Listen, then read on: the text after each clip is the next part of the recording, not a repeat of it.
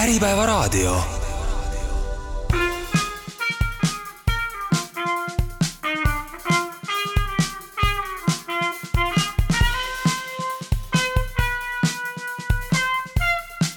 Soraineni sagedus, mitu arvamust, üks eesmärk.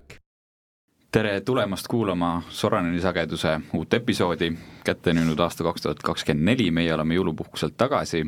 ja salvestame oma selle aasta esimest episoodi. täna teeb minu kõrval saatejuhi debüüdi meie enda Pirko-Liis Hargma, tööõiguse ekspert. tere! ja meil on täna saates külaliseks Albert Lintam, meie kohtuvaidluste ennetamise töögrupi advokaat. tere! ja, ja Regina Valge, Riverti Tech OÜ personalijuht. Rõõm on olla siin, aitäh! ja meie saate teemaks täna on töövaidlused, mis nendega pihta hakata ja kuidas nendega toimetada. Pirko, ma annan võib-olla sõna sulle. jaa, ma kõigepealt sissejuhatuseks uurisin ise juba ette valmistades, et, et millest me siis üldse räägime, et mis see maastik töövaidlustes on, et vaatasin natuke Tööinspektsiooni statistikat. kaks tuhat kakskümmend kolm statistika ei olnud veel kättesaadav, aga kaks tuhat kakskümmend kaks statistikat vaadates selgus, et et, et tol aastal oli siis kuskil tuhat kaheksasada töövaidlust kokku ja julgelt enamus sellest oli algatatud töötajate poolt, et tööandjad jõuavad, mulle tundub, harvemini oma nõuetega töövaidluskomisjoni, et neid oli kuskil kakssada seal. rahaliste nõuete kogusumma üheksa miljonit eurot ja kolmkümmend üks protsenti lõppes kompromissiga. et, et selline on, on see taust, ma ei oskagi öelda, et kas Eesti-suguses riigis on palju või vähe töövaidlu-, vaidlusi, et meie näeme oma töös neid üsna sageli. Ja,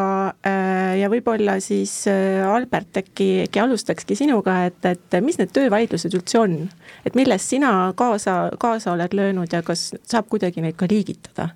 no ütleme, töövaidlused nüüd advokaadi vaatest on noh, need konfliktid, mis on tekkinud töökohal, mis on eskaleerunud siis õigusvaidluseks, enamasti siis kas algul töövaidluskomisjoni vaidluseks, hiljem pahatihti keerulisemad asjad ka kohtuvaidlusteks. Ja no ütleme, et praktikas saaks neid, kõige olulisem liigitus on see, et millised on nii-öelda lihtsamad ja keerulisemad vaidlused, et kui me räägime lihtsamatest vaidlustest, siis see on tüüpiliselt see, et tööandja ei maksa palka ära, ei maksa puhkuse kompensatsiooni ära, läheb pankrotti, noh näiteks see on näiteks üks põhjus, või näiteks keegi töökohal on tarvitanud nii-öelda füüsilist vägivalda, jah, no selles ei ole, ja selles ei ole kahtlust, et siis on see nagu lihtne, lihtne vaidlus. ma kaldun arvama, et ka suurem osa sellest statistikast, mis sa välja tõid, tegelikult liigitub sinna nii-öelda lihtsama, lihtsamate vaidluste kilda, aga siis on hoopis nagu teine, teisest puust vaidlused, on siis need keerulisemad vaidlused, tuua mõned näited, siis noh, näiteks tüüpiline näide on sularahakassast puudujääk. tundub esmapilgul noh, väga lihtne küsimus, et palun väga, miks ei ole sularahas kassa või sularaha kassas seda summat, mida peab olema, kuid ma olen ise isiklikult olnud siis kohtuvaidlustes, kus selles, selles küsimuses on siis vaieldud nagu liialdamata vist vähemalt viis aastat. üks konkreetne vaidlus näiteks saadeti vist veel kaks korda tagasi seal ringkonnakohtust maakohtusse ja lõpuks oli siis see, et et need menetluskulud kahjuks ületasid oluliselt seda summat. kui tuua veel mõni näide, et mis võivad olla need keerulisemad vaidlused, siis need on ka need, kus on vaidlus selle üle, et kas üldse tööleping on sõlmitud, hiljem võib-olla jõuame ka noh, mingite praktilisemate näideteni, aga üks kurioossem näide näiteks oli ühest suurest ettevõttest, kus kus noh, tulid välja suured kuritarvitused, seal olid erinevad töötajad või nii-öelda asjaosalised raha kõrvale pannud ühte või teistpidi, aga pärast sisejuurdluse läbiviimist tuli välja ka selline huvitav asi, et see raamatupidaja, kes oli sealt suure summa, see oli ikka sadadest tuhandetest eurodest räägime, nagu ära varastanud, oli lisaks sellele suutnud vormistada koos juhatusega tööle kohe fantoomtöötaja, kes oli juhuslikult tema tütar. Ja neid ei olnud mitte üks, vaid isegi mitu. ja siis oli nagu eraldi vaidlus selle üle, et kas üldse on töösuhe tekkinud või mitte, nii et see on plaan väga lai iseenesest mm. -hmm sinu, sinu jutt tegelikult äh, kinnitab seda statistikat või statistika sinu juttu vastupidi, et, äh, et tõesti, et töötajate poolt need kõige suuremad vaidlused on, on rahalisete nõuetega seotud, aga, aga Tööinspektsioon on näinud ka siis niisuguste sisulisemate nõuete kasvu ja mis nad ütlevad, et ei ole väga, väga hea, et töökiusu on palju, et sellest räägitakse palju, aga et need nõuded kahjuks ei jõua üldse nagu töövaidluskomisjonideni ja tööandjate poolt siis on need äh, tegelikult töötaja vastu esitatud kahjunõuded on, on üks peamine, et, et noh, siis meie, me praktikas näeme niisugust väiksemat läbilõiget sellest, mida siis töövaidluskomisjonid näevad. Äh, aga, aga miks need vaidlused ikkagi nagu, nagu tekivad, et ähm, ühe kolmandiku oma elust me veedame tegelikult tööl, üheksakümmend tuhat tundi oma eluea jooksul ja, ja see on tegelikult väga pikk aeg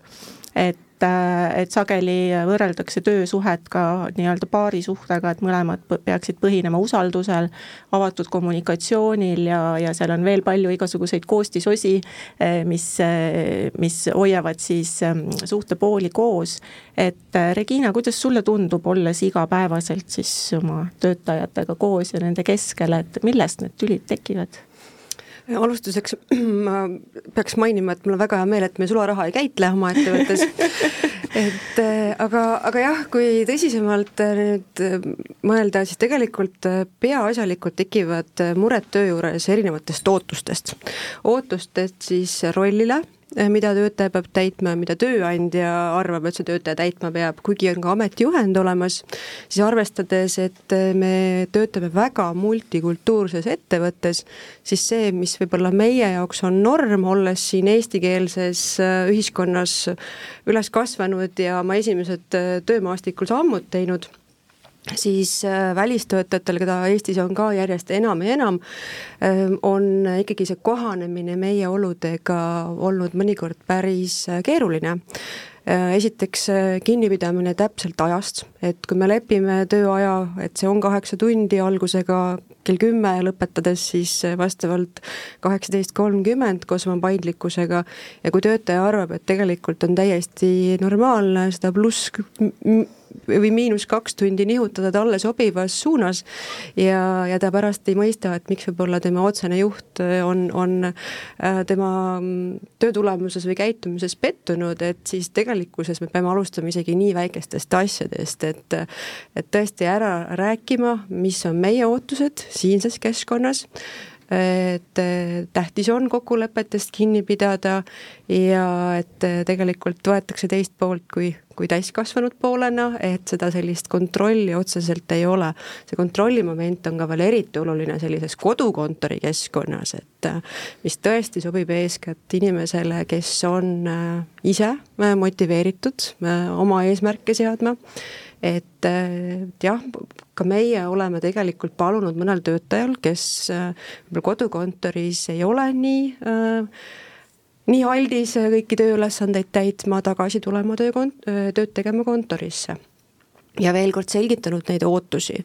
et ähm, siiski paraku tööandja peab võtma selle rolli, et äh, olema natuke nii-öelda tugevam või see vanem pool selles äh, suhtes äh,, samas ka heatahtlikum ja mõistvam. nii et äh, et empaatia olemasolu lisaks äh, õiguslikele teadmistele on kindlasti hästi oluline. ma saan aru, et äh, ütleme, et töövaidlus on niisugune üks äh, kuidas ma ütlen siis nagu negatiivse konnotatsiooniga, et juba on midagi nagu väga halvasti läinud ja, ja pooled vaidlevad, aga aga Regina jutust ma kuulen ka seda, et tegelikult on seal alguses on väga palju niisugust lihtsalt äh, kommunikatsiooni, kuidas, kuidas inimestele ootusi hästi selgeks teha ja, ja võib-olla see üldse ei päädigi vaidlusega, et ma võib-olla siis küsingi niimoodi, et mida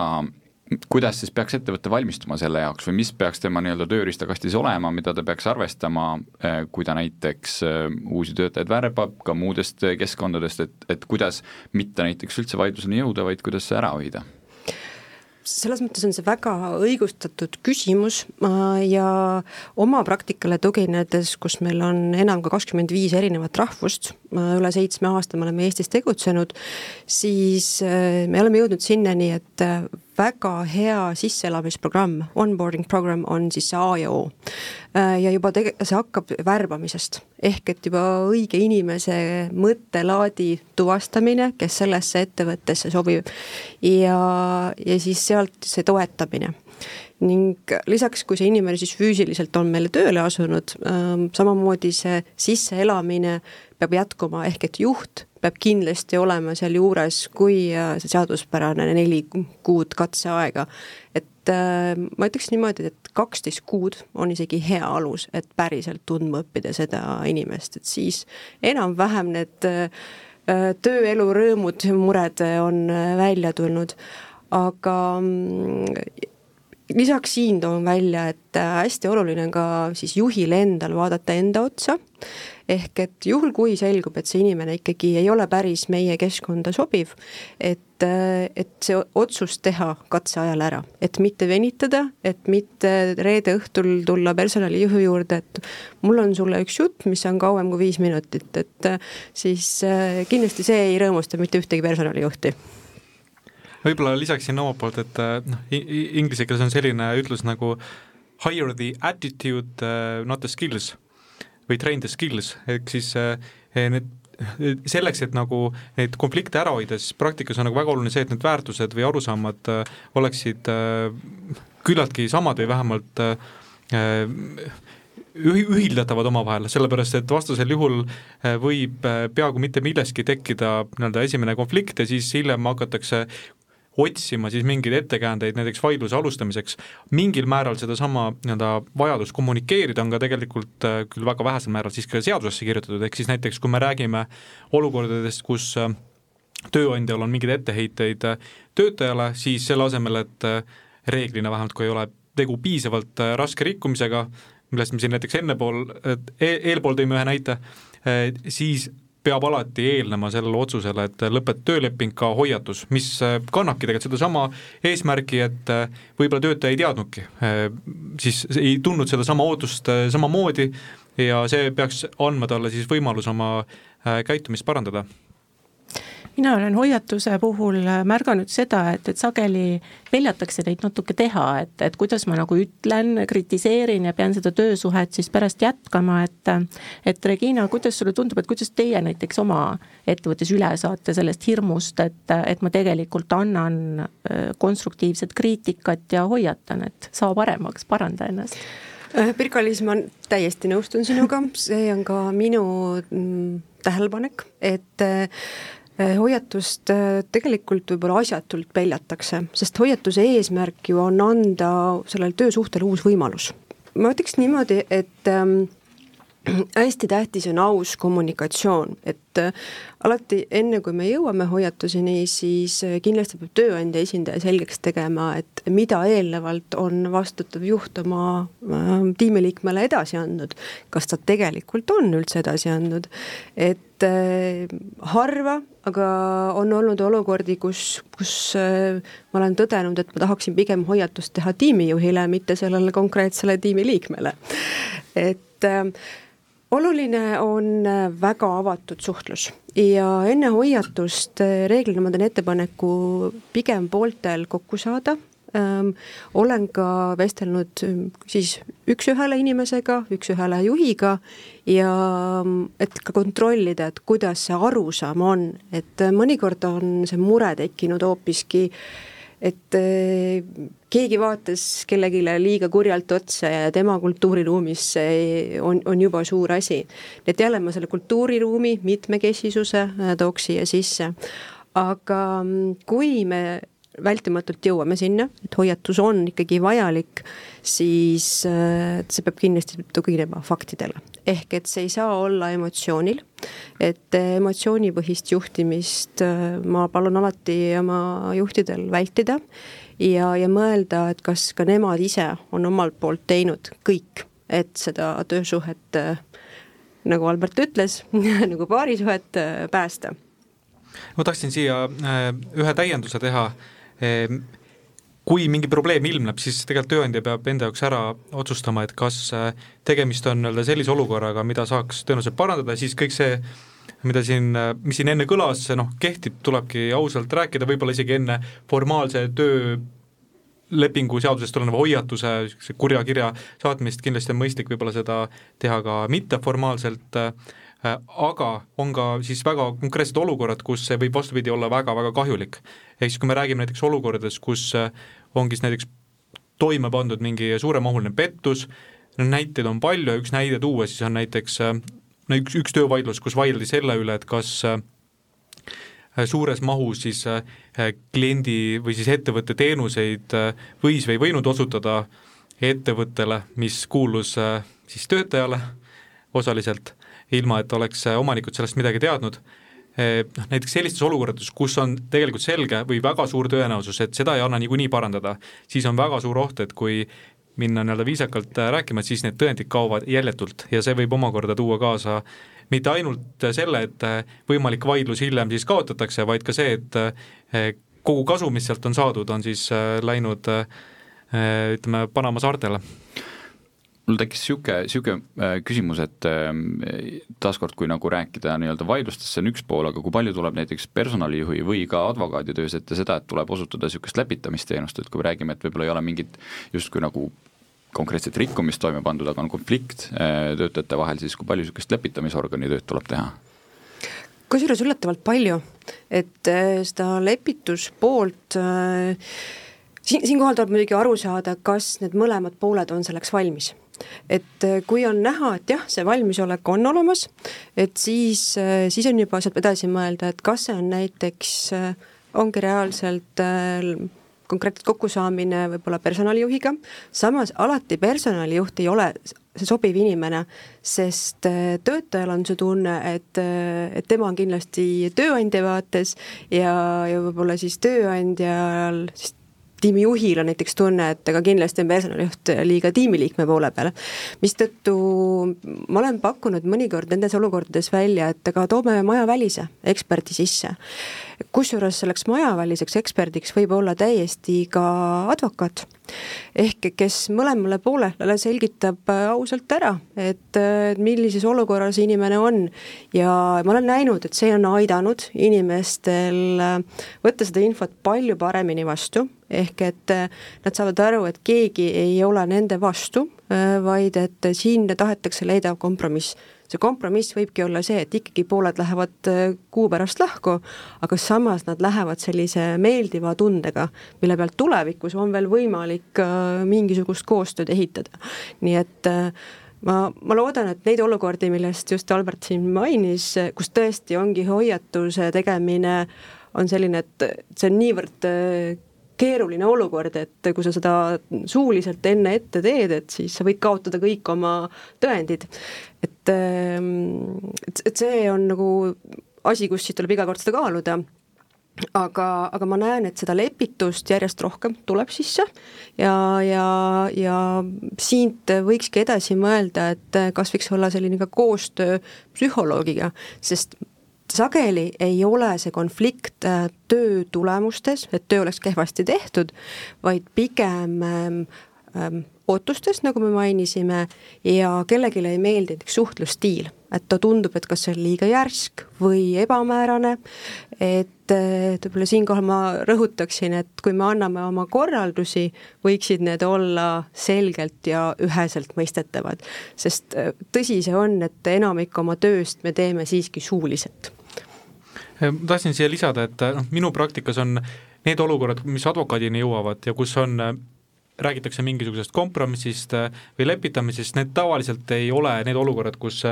pooled nüüd näeksid, et selle paari suhte saaks nagu lõplikult korda teha ja eluga niiviisi edasi minna, et nagu jätkata selle töösuhtega, vaid pigem need olukorrad, kus see vaidlus on juba eskaleerunud ja siis üks ja teine pool arvab, et neil on õigus, kuid äh, teinekord ongi õige vastus see, et võib-olla kõige mõistlikum on minna oma nagu eluga edasi ilma selle vaidluseta, sellepärast et see toob teile kaasa rohkem raskusi kui, äh, kui äh, kasu. minu praktiline soovitus, et kui mõni ettevõte näiteks või ettevõtja või töötaja ka äh, soovib äh, ikkagi kas siis advokaati või mõnda muud eksperti kaasata, äh, selleks, et nii-öelda lepitada, siis selleks, et teine pool ei näeks, et see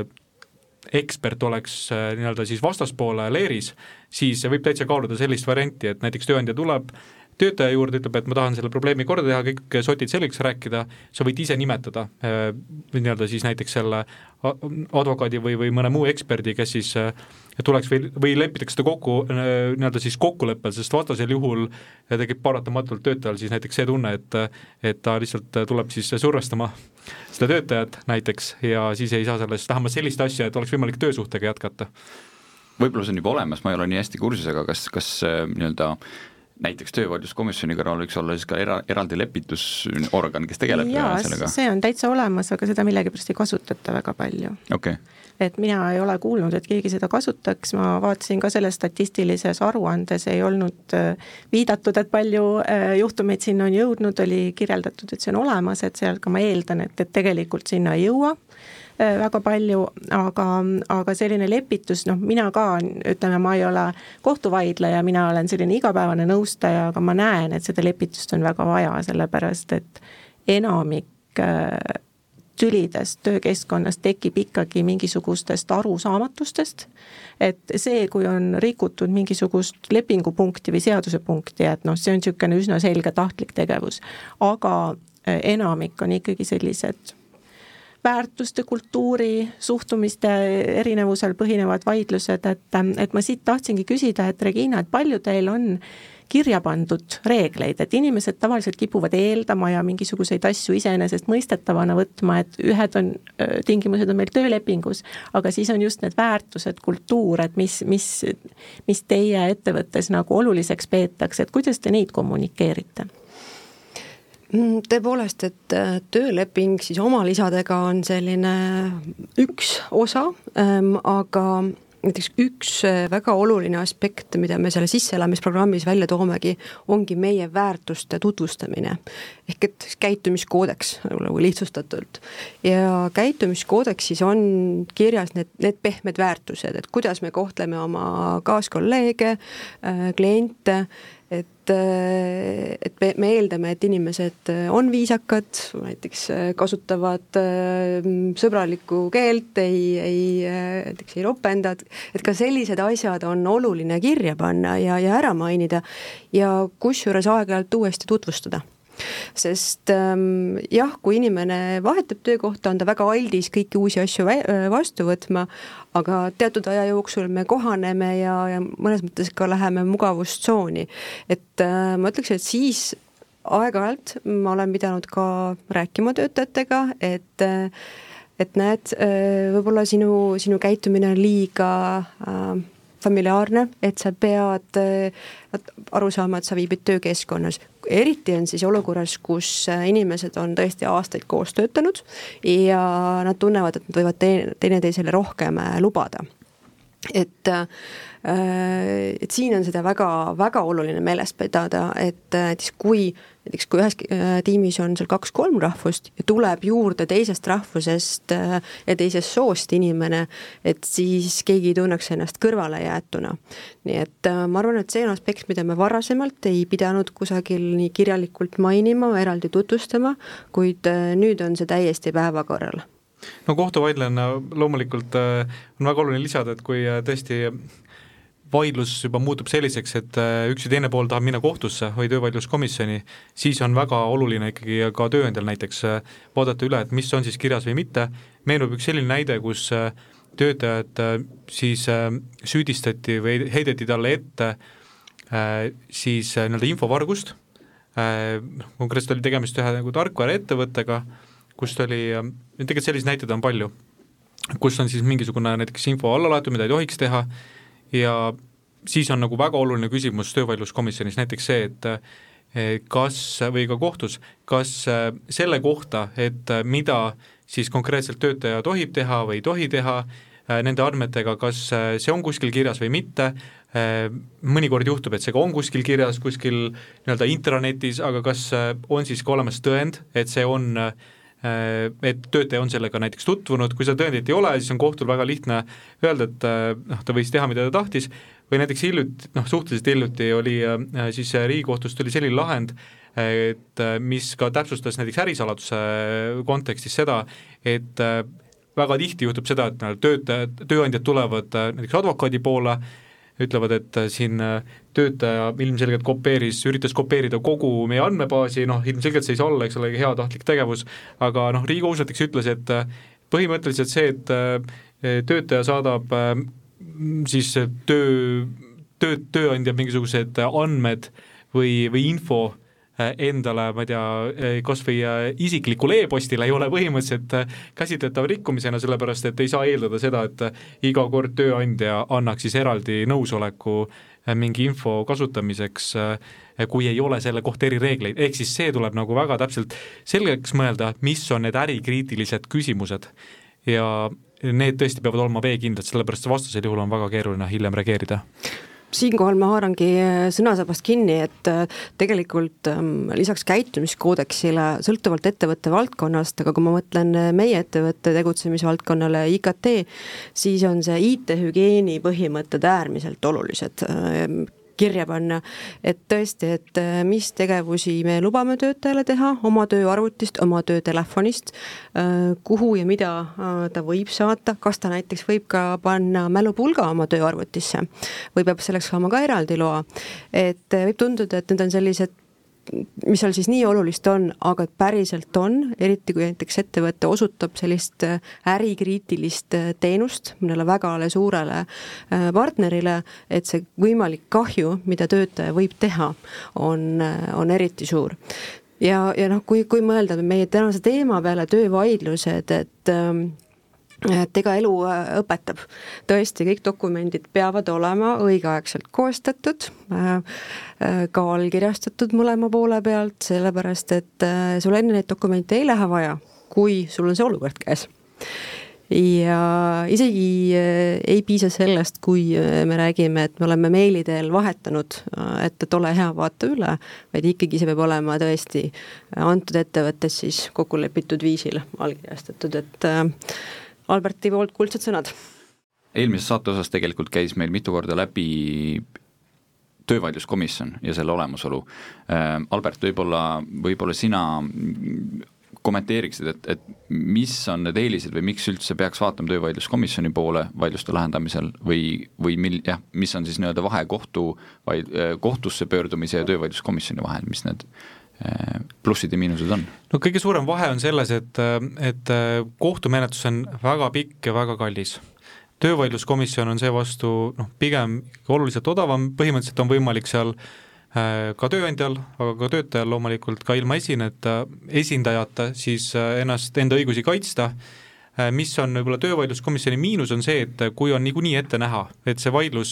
läheb väga pikaks, siis tal lisab sinna ütleme niisugune kolm-neli kuud juurde, mis muidugi arvestades seda, et kui on keerukamad vaidlused, mis kestavad praktikas kokku keskmiselt kolm kuni viis aastat, mõnikord ka rohkem, kõikides astmetes kokku, et ei ole võib-olla nagu väga suur äh, lisaajakulu ja ka pikkade vaidluste puhul on äh, ikkagi eelis selles, et kui juba kohtusse pöördumise hetkeks sa tead, mis on vastaspoole äh, argumendid ja tõendid ja saad ka paremini hinnata seda, et kas asjaga tasub minna kohtusse edasi või mitte, ja seetõttu nagu pigem äh, nii lihtsamate kui keerukamate vaidluste puhul ikkagi see töövaidluskomisjoni etapp läbitakse ära äh,. See on vabatahtlik äh,, võib ka põhimõtteliselt otse äh, enamasti kohtusse äh, pöörduda äh,, kuid see on alati selline kaalumise küsimus ja tihti on see see koht ka, kus äh, võib-olla siis tööandja või töötaja saab enne, kui asi kohtusse läheb, tõesti siis ilma esindajata, äh, kui ta ei soovi nii-öelda investeerida rahaliselt sellesse vaidlusesse oma õigusi kaitsta, kuid seal kindlasti on väga oluline siiski see, et äh, oma positsiooni ei kahjustataks ette, et need vead, mis on tehtud seal töövaidluskomisjoni menetluses, need paratamatult jäävad külge ka nii-öelda hiljem, just selles mõttes, et vastaspool saab näiteks hiljem ikkagi viidata nii-öelda tagasi nendele seisukohtadele, mis pool juba seal varasemalt esitas jah, et mõlemal juhul on omad plussid ja miinused, et, et peab siis äh, vaidluse strateegia puhul seda, seda silmas pidama ja õigesti valima. tahtsin lisada, et ja. on ka selliseid äh, äraspidiseid olukordi, kus äh, on üldse olnud ka vaidlus selle üle, et kas näiteks töövaidluskomisjon on asja pädev lahendama või mitte. meenub näiteks selline vaidlus, kus üks ettevõte vaidles oma endise siis talle teenuseid osutanud isikuga, et kas ta on siis töötaja või mitte, et seal üks hetk valiti juhatusse, enne seda oli tal tööleping ja lisaks oli seal ka vaidlus, et kas, mis riigi õigus kohaldub või, või ei kohaldu. Ja noh, kokkuvõtvalt äh, läbiti vist umbes noh, pooleaastane töövaidluskomisjoni menetlus äh, väga mahukate seisukohtade tõenditega, mõlemalt poolt oli mitu advokaati ja siis lõppjäreldus oli see, et äh, see äh, ka pikk põhjendatud otsus tuli, aga lõppjäreldus oli see, et ei ole siiski pädev jah, me selliseid teemasid on veel, kus, kus me ei tea, et, et kes pädev esindama on, et näiteks töötajatele antavate osalusoptsioonidega seotud vaidlused, et ükski ei ole veel nii väga otsuseni jõudnud, et on, on kompromisse sõlmitud, aga, aga seda me ka ei tea, et, et kas töövaidluskomisjon on seda pädev lahendama või mitte. aga ma tahtsin hoopis nüüd äh, teha sellise pöörde, et, et natuke ka töötaja poole pealt rääkida, et äh, meie oma praktikas näeme sageli seda, et kui on kahtlus, et midagi on teoksil või on tüli majas, et mis siis töötajad teevad, on see, et nad võtavad haiguslehe, nad kaovad ära, nad ei anna näole, nad lõpetavad igasuguse suhtlemise. et, et Regina, et kuidas, kuidas teie lahendate selliseid olukordi, et ma pärast küsin Alberti käest ka, et, et mis need juriidilised nipid on, et mis siis sellises olukorras teha, sest meil on vaja teinekord dokumente kätte toimetada ja nii edasi, aga et, et kuidas seda kõigepealt nii-öelda inimlikul tasandil ära lahendada? inimlikul tasandil tõesti, kui inimene tahab äh, teadlikult ära kaduda, et ega ongi äh, keeruline teda üles leida. Ehm, meil on võib-olla ka tulenevalt äh, sellest rahvusvahelisest taustast, äh, tegelikult alguses see tekkis täitsa füüsilise vajadusena, et me palusime igal töötajal määrata hädaabikontakti ja et kus see inimene siis äh, asub ähm, riigis tema, tema meili ja, ja äh, siis äh, telefon ja mis see sugulus või, või sõbrasuhe neil on. et ja see inimene ise on ka siis teadlik, et teda on kontaktisikuks äh, määratud. Äh, reeglina äh, harva, kui meil on olnud seda vaja kasutada, kui me oleme siis hädaabi kontakti poole pöördunud, et me ei saa vastava töötajaga kontakti, et et kas ta teab, mis on juhtunud, pärast seda on inimesed siiski kuidagi ennast leidnud ja meie poole tagasi pöördunud et äh, õnneks on Eestis niivõrd hea süsteem, mis puudutab haigus ehk siis töövõimetuslehti, et seda saab kontrollida äh,. samuti on ka selline, selline äh, hea funktsioon, et kui töötaja väidab, et äh, jah, ma avasin oma töövõimetuslehe, siis sekundite küsimus ja saab järgi vaadata, kas see päriselt on või ei ole. ja kui nad teavad seda, siis ma ütleks niimoodi, et on jäänud neid äh, mittevajalikke töövõimetuslehte oluliselt äh, vähemaks. et äh,, et ikkagi äh, teatakse, et me usaldame, aga äh, ka kontrollime, nii et äh, samas täiesti pahatahtlikku käitumist ei saa alati välistada. kuid juba siis ma ütleks niimoodi, see räägib iseenda eest mm. -hmm. ehk et see võib olla siis, äh, võib olla töö, tööandjale kasulik tõend hiljem ütleme, et äh, kui äh, juba vaidlus on siin eskaleerunud ja ongi olukord näiteks, kus tööandja üritab töölepingu ülesütlemise teadet kätte toimetada, siis on noh, loomulikult oluline vaadata kõigepealt, mis lepingus on, mi-, millised kontaktandmed, milliseid kontaktandmeid on varasemalt kasutatud ja ei tasu ka ette rutata selle järeldusega, et ei olegi võimalik kätte saada, et äh, need ei pea olema tingimata email või ka äh, see kokku lepitud telefoninumber ainult, kust on võimalik äh, kätte toimetada mingeid teateid, vaid ka näiteks, kui on praktikas väga tihti näen, suheldakse näiteks Whatsappis või, või Messengeris või mingis muus sõnumirakenduses, siis selleks, et mingi teade kohale toimetada, piisab ka tegelikult selle sõnumi rakendamis, rakenduse kasutamisest ja teinekord äh, näiteks WhatsApp annab ka äh, siis teate, kui vastas või teine pool on seda lugenud, sellest tuleb kindlasti teha esimesel võimalusel screenshot või see ekraani tõmmis, sellepärast et vastasel juhul hiljem ei ole võimalik seda tõendada, aga no on ka kurioossemaid näiteid, kus äh, ma mäletan, et kui äh, mina äh, siis alustasin oma advokaaditeed, et siis oli üks Äh, juhtum, kus juhatus oli varastanud väga suure summa ja siis oli äh, loomulikult ei olnud kättesaadav, sellepärast et ta ei tahtnud, et juhatuse liikme lepingud ja muud lepingud üles öeldaks. Äh, ja siis minu ülesanne oli siis välja mõelda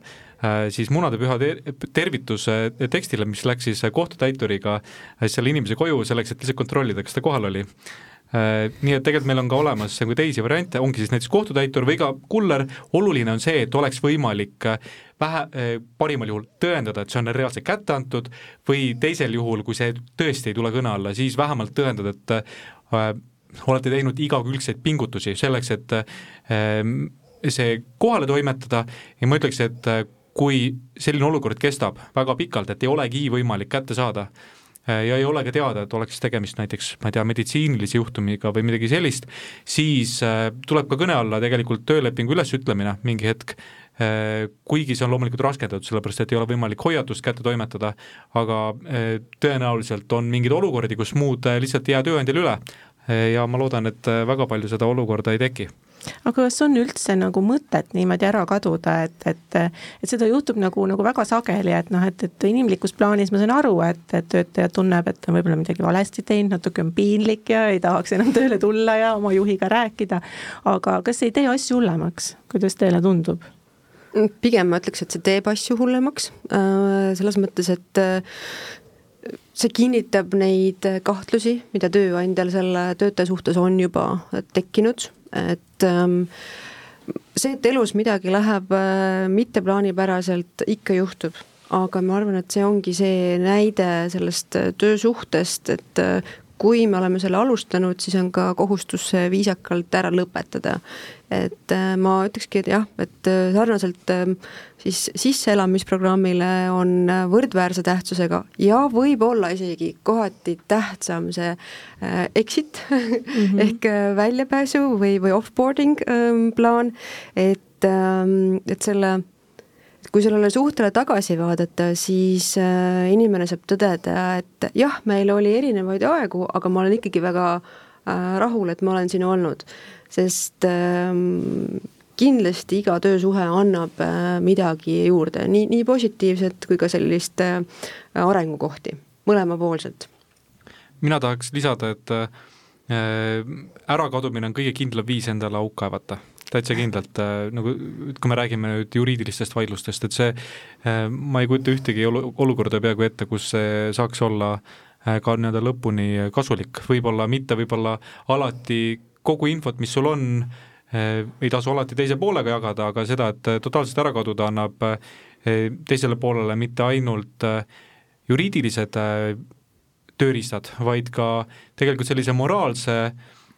julguse ja õiguse justkui siis eskaleeridagi seda vaidlust, palgata advokaadid ja teha siis vastaspoole elu nii-öelda põrguks. et seda kindlasti tasuks äh, lasta juhtuda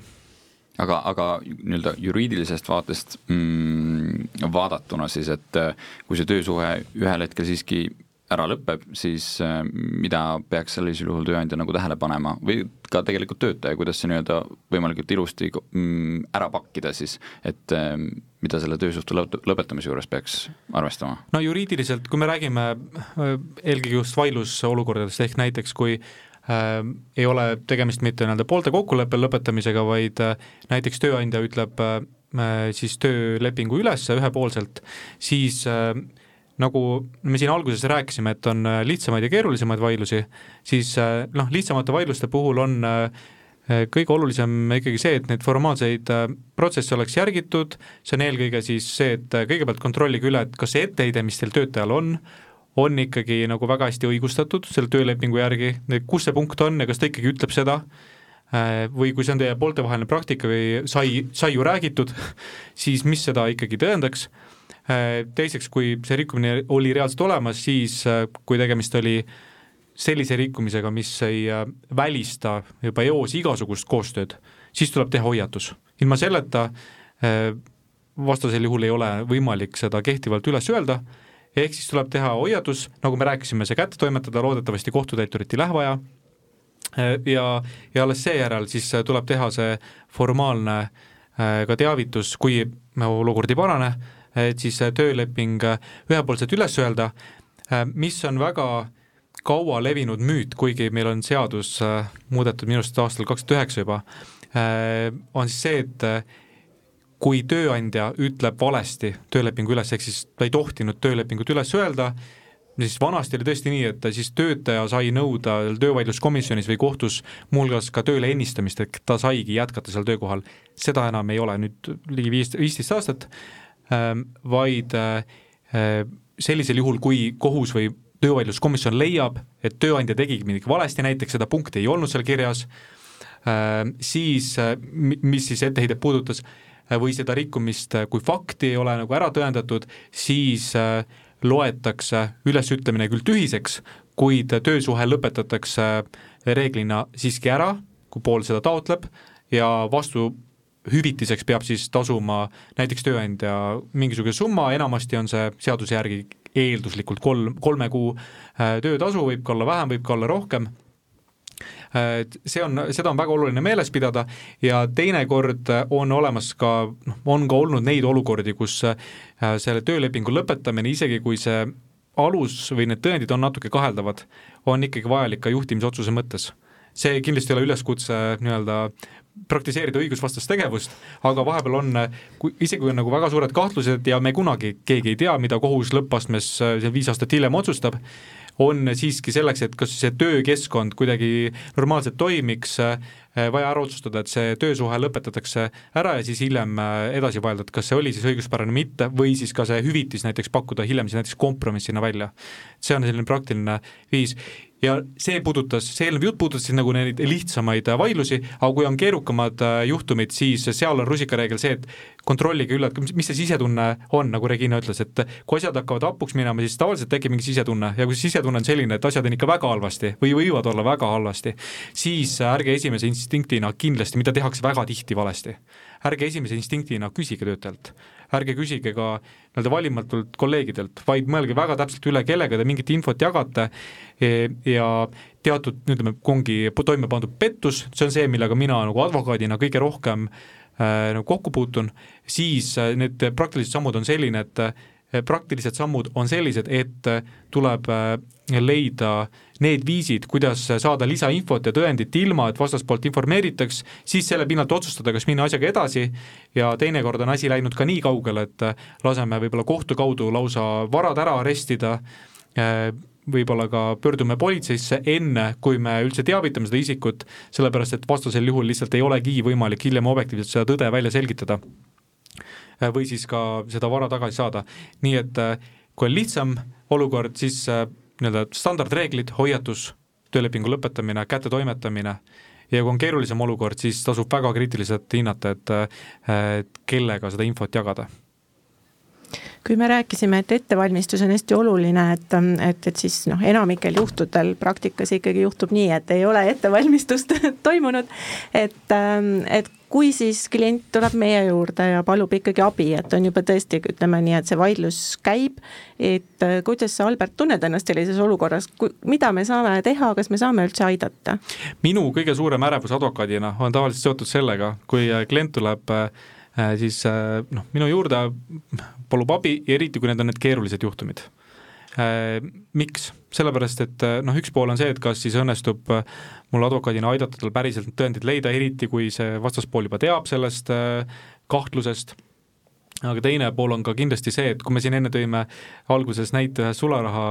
või noh, neid on väga palju näiteid sularahakassa puudujäägist, siis lõppastmes selle üle, vaielda, et kas siis oli seal see viis või kaheksa või kümme tuhat isegi eurot kassas ei olnud, kas on nagu väärt seda, et võib-olla menetleda veel kümneid tuhandeid eurosid, aga lisaks sellele eh, ka tihti eh, tööandjad ei hooma seda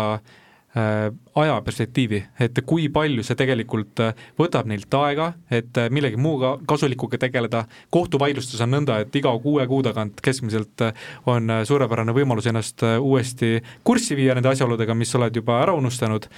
sest pausid on vahepeal paratamatult pikad ja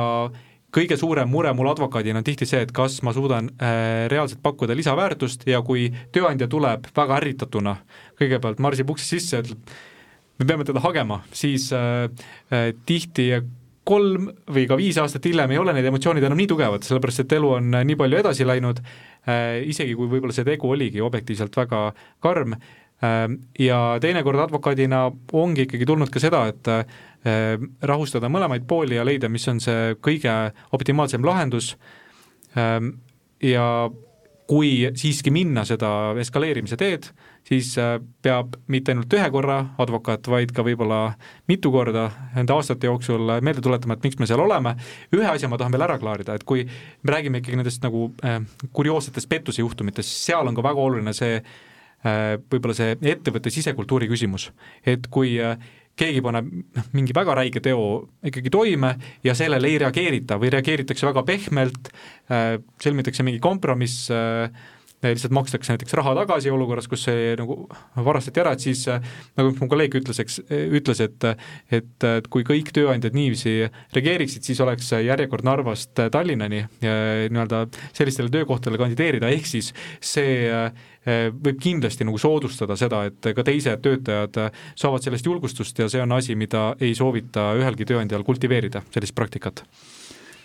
aga meie saateaeg hakkab lõppema, äh, meil jäi kindlasti väga palju põnevat täna veel arutamata, äh, peame mõtlema kindlasti jätkusaate tegemise peale, aga meil on traditsioon siin, et meil saatekülalised saavad alati saate lõpus nii-öelda ähm, eetrisse öelda siis oma veel nii-öelda viimased kokkuvõtvad mõtted, millega kindlasti arvestada, mida tähele panna, et ma annan kõigepealt sõna Reginale, et mis, mis, mis need mõtted võiksid olla nõustun veel kord Albertiga, et, äh, et kindlasti nii personalijuhil kui advokaadil kui lepitusnõustajal, et meil on selline hea vaheroll. Äh, et me peame olema selline hästi kaisine pilguga, äh, kokku võtma ja aitama mõista, et jah, emotsionaalselt on valus, aga et see emotsionaalne valu liiga finantsiliselt liiga kalliks ei läheks. ehk et, et olemagi see hästi laia, laia pilguga